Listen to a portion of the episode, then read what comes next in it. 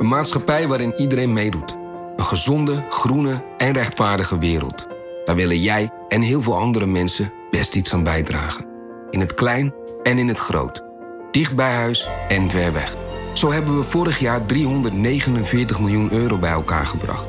Miljoenen waarmee onze goede doelenpartners de wereld elke dag een beetje beter kunnen maken. Nationale Postcode Loterij. Samen voor een betere wereld.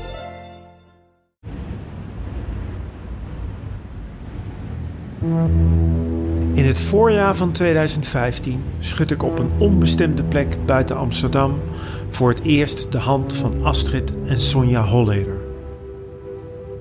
De twee vrouwen zijn later dan afgesproken en ze hebben Chinees gehaald. Ik weiger vriendelijk. Eten en praten gaat me niet zo goed af. Bovendien ben ik zenuwachtig. Ik heb een knoop in mijn buik. Ik werk dan al maanden aan de misdaadbiografie van Willem Holleder en ik denk dat ik een beetje begrijp wat voor man hij is. Maar dit is de eerste keer dat ik mensen spreek uit zijn directe omgeving. Het gesprek met Astrid verloopt moeizaam en geprikkeld. Ik stel vragen die zij niet wil beantwoorden en zij wil dingen vertellen waarvan ik niet weet wat ik ermee moet.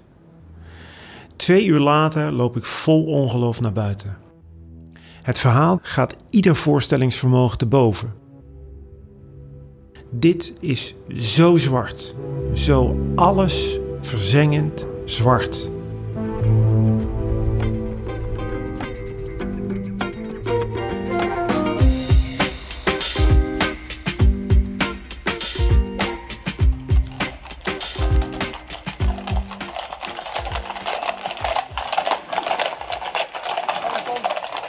De begrafenis van Cor van Hout is een evenement. Op een witte koets, getrokken door acht met witte dekens ingepakte paarden, wordt zijn lichaam naar begraafplaats Vredenhof gereden. De tocht komt onder andere langs zijn geboortehuis in de staatsliedenbuurt. Daar, niet ver van de Jordaan, groeide Cor op. Hij leerde het vak van zijn vader, een begenadigd inbreker.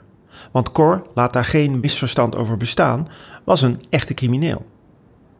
Op zijn begrafenis spraken zijn vrienden lovend over Cor.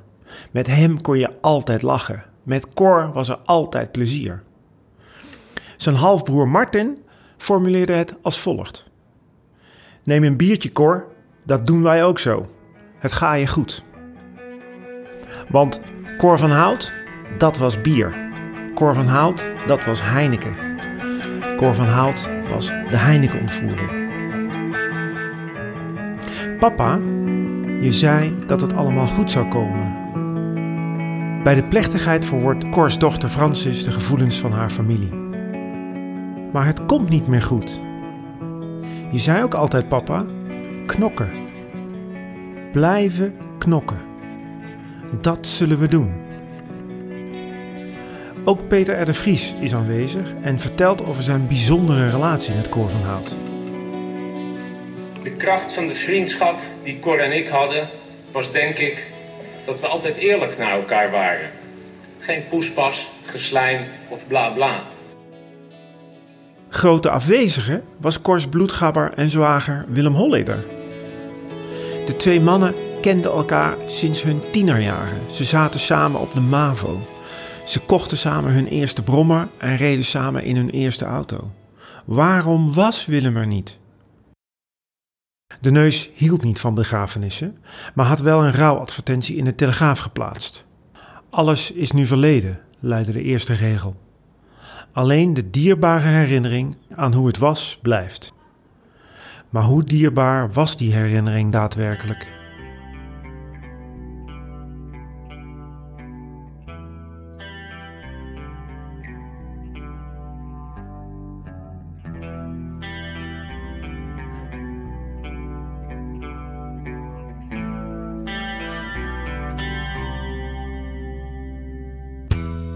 In het spiegelpaleis dat de onderwereld soms is, is niets wat het lijkt. Dat had Astrid Holleder me goed uitgelegd. Wie was er nou verantwoordelijk voor die moord op Cor van Hout? John Mierenmet werd vaak genoemd als de opdrachtgever. Om dat te begrijpen moeten we terug naar de jaren 90. Dat is het moment waarop de eerste aanslag op Cor van Hout wordt gepleegd. De kogel blijft hangen in zijn kaak en hij overleeft.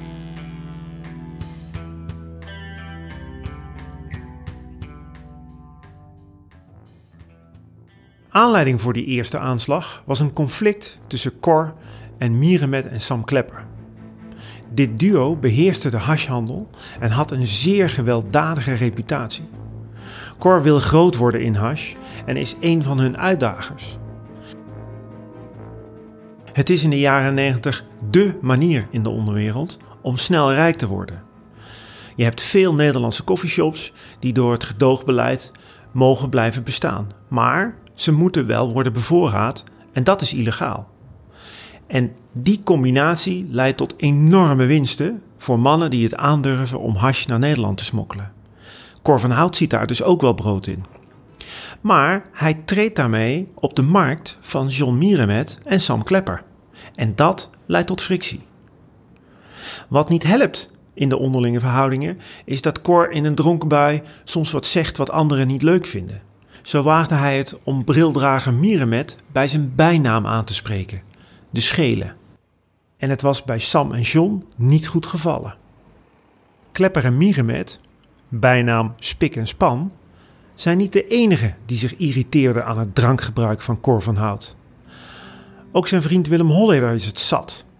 Hij vindt Cor een vervelende man als hij dronken is. De politie luistert af en hoort Holleder zeggen over Cor: Het is altijd hetzelfde, hè, met die vieze, vuile kankerhond. Het gaat mis tussen die twee. Ze verdelen het vermogen dat ze hebben vergaard na de Heineken-ontvoering en gaan uit elkaar. De vriendschap is voorbij. Willem sluit zich aan bij Klepper en Mierenmet. Cor gaat alleen verder.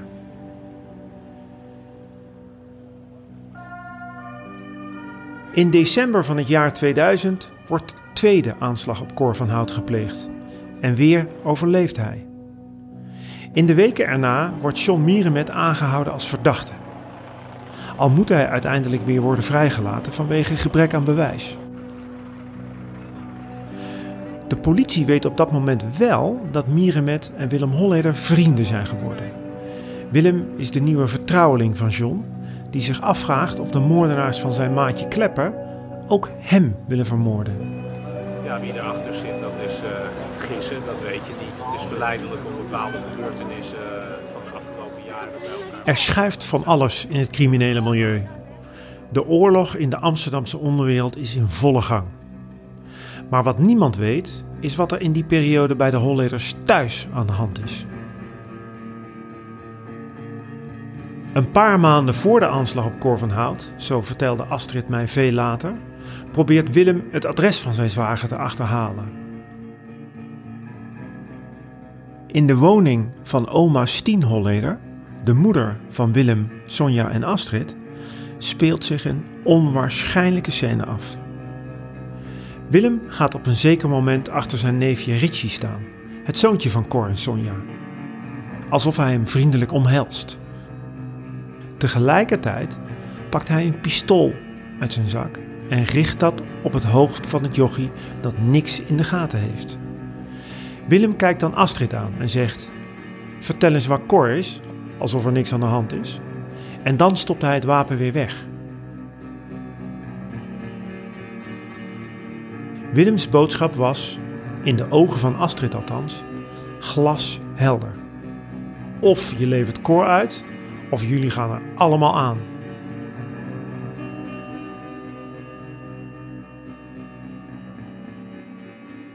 Gedreven door angst besluit Astrid Cor in te lichten over wat er is gebeurd. Haar zwager reageert op geheel eigen wijze, pragmatisch als hij is.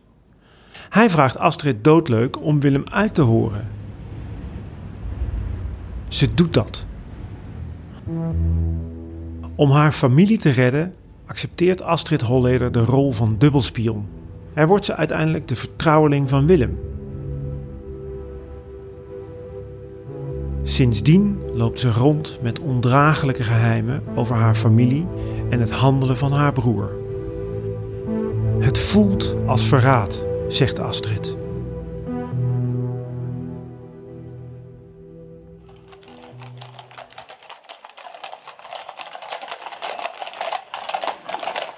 Na de begrafenis van Cor van Hout krijgen Astrid en Sonja bericht van Willem.